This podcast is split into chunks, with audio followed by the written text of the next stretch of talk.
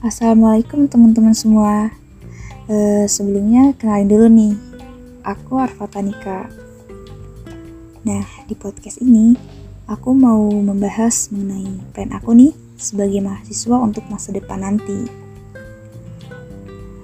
Jujur, sebenarnya dalam memilah-milah masa depan itu mungkin bagi sebagian orang agak sulit ya mendeskripsi apa yang direncanakan untuk masa depannya nanti.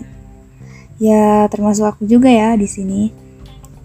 Karena terkadang masa depan itu bila nggak diprogram sejak dini di pikiran kita, itu nantinya akan buyar. Bahkan bagi kebanyakan orang bisa terjadi krisis-krisis kehidupan. Misal krisis ekonomi, persaingan bisnis, dan masih banyak lagi dampak-dampaknya.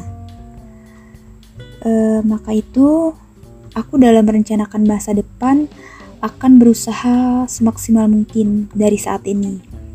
Yang pertama, aku merancang tahap demi tahap ya apa yang jadi tujuan aku di masa depan nanti. Yang kedua, belajar dan mencari tahu dari pengalaman orang-orang sukses. Lalu aku program di pikiran aku agar ke depannya nggak goyah dan selalu semangat Semangat dalam hari-hari yang mungkin nanti ada saja rintangan-rintangannya.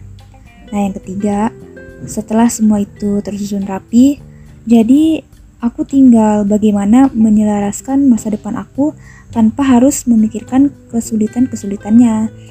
Karena e, insya Allah masa depan yang sudah terprogram dan terencana itu dengan mudahnya bisa terrealisasikan dan tercapai. Amin ya.